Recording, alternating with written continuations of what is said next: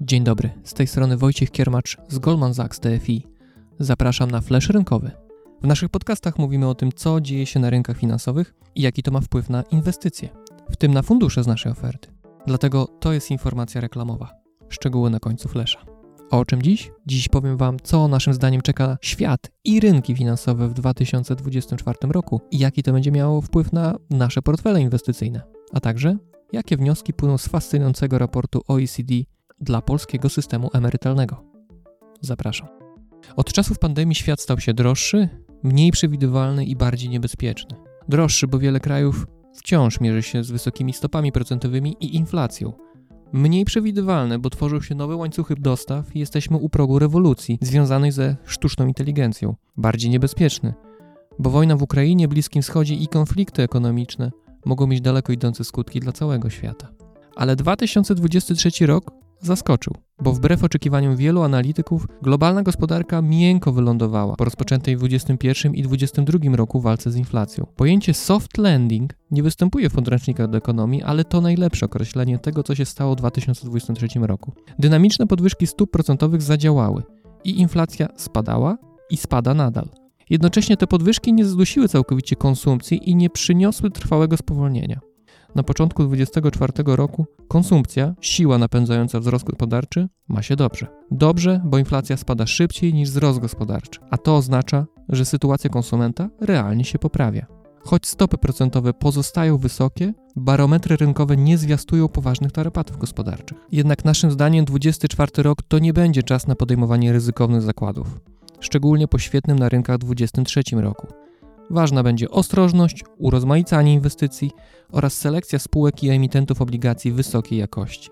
Dalej widzimy jednak wiele okazji do inwestycji na rynkach akcji, obligacji, surowców i inwestycjach alternatywnych. Pod wieloma względami to będzie ciekawy rok i spodziewamy się dużych różnic w stopach zwrotu pomiędzy aktywami. Jest sporo argumentów za tą tezą. Ja skupię się na dwóch. Po pierwsze, wysokie stopy procentowe zostaną wysokie na dłużej.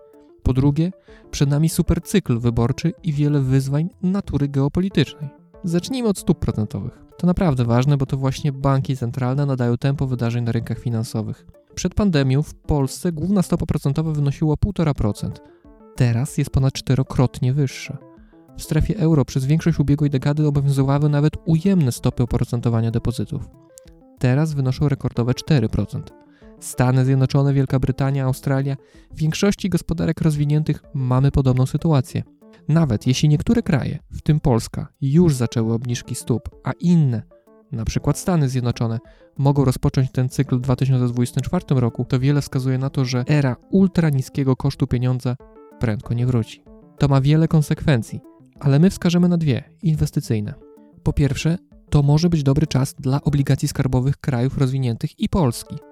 Rentowności obligacji są wysokie, co sprzyja generowaniu przez nie dochodu, a do tego perspektywa obniżek stóp dodatkowo może wesprzeć cenę obligacji.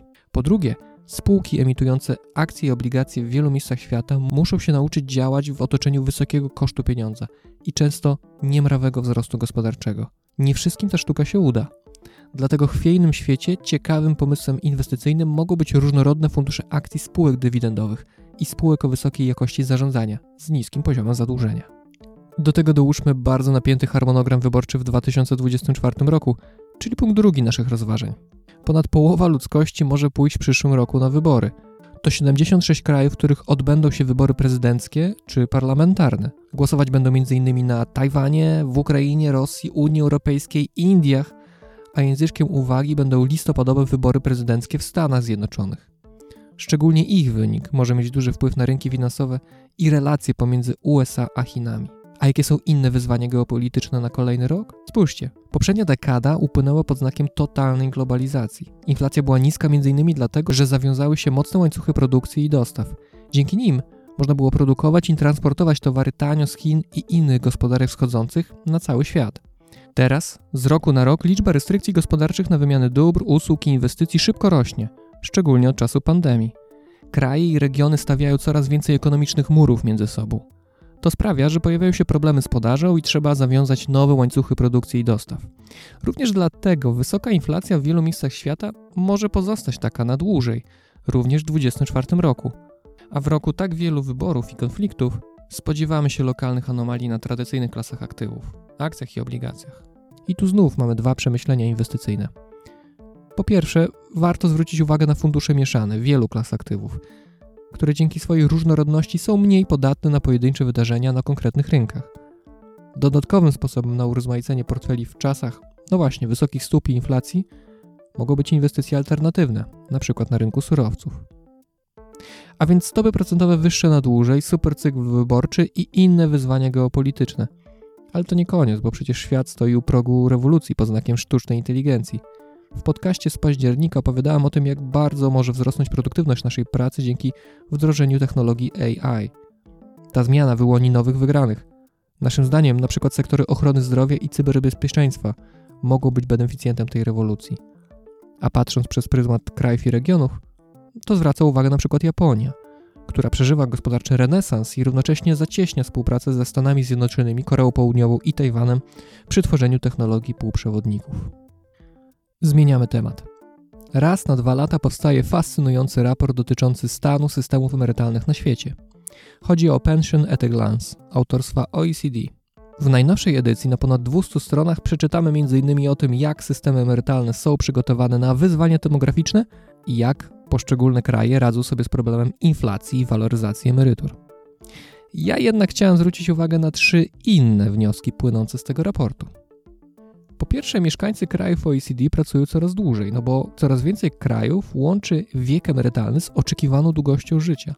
Tak jest obecnie w Danii, Estonii, Grecji, we Włoszech, na Słowacji, Szwecji, Finlandii czy w Holandii.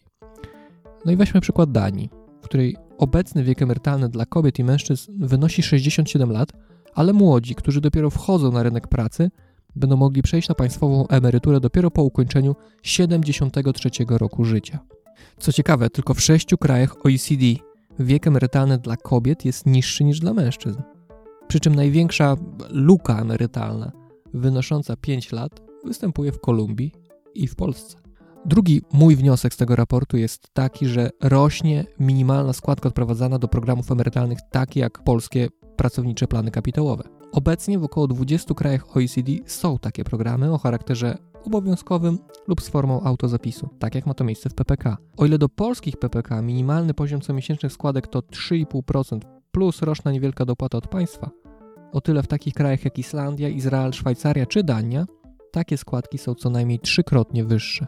I kolejnym, ostatnim wnioskiem płynącym z tego raportu, o którym chciałem Wam powiedzieć, jest rosnąca rola prywatnych oszczędności w dochodach emerytów. Przykładem takich zmian są Australia, Islandia czy Szwecja. Z kolei w Kanadzie prywatne emerytury stanowią już ponad 40% wszystkich źródeł dochodów osób starszych. Przykłady tych dobrych systemów emerytalnych pokazują, że nowoczesny portfel emerytalny powinien być urozmaicony i oprócz emerytury państwowej warto rozbudować go o prywatne oszczędności i inwestycje takie jak programy pracownicze PPE lub PPK, czy też indywidualne IKE czy IGZE.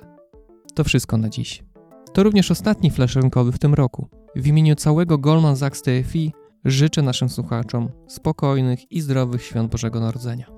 Do usłyszenia w nowym, pełnym wyzwań roku. Ten podcast przygotowało Goldman Sachs Towarzystwo Funduszy Inwestycyjnych SA. Upowszechniamy go w celach informacyjnych, ale również reklamy lub promocji świadczonych przez nas usług. Posiadamy zezwolenie Komisji Nadzoru Finansowego na prowadzenie działalności. Podcasty tworzymy dokładając najwyższej staranności. Zawieramy w nich nasze opinie i oceny, które są wyrazem wiedzy popartej informacjami ze źródeł wewnętrznych lub zewnętrznych, uznanych przez nas za kompetentne i wiarygodne. Jednak nie gwarantujemy, że są one wyczerpujące i w pełni odzwierciedlają stan faktyczny. Dlatego nie ponosimy żadnej odpowiedzialności za szkody powstałe w wyniku wszelakich decyzji podjętych na podstawie wysłuchanych informacji.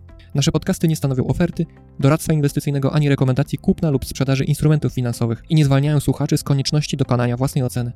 Podcasty nie mogą stanowić podstawy do podejmowania decyzji inwestycyjnych.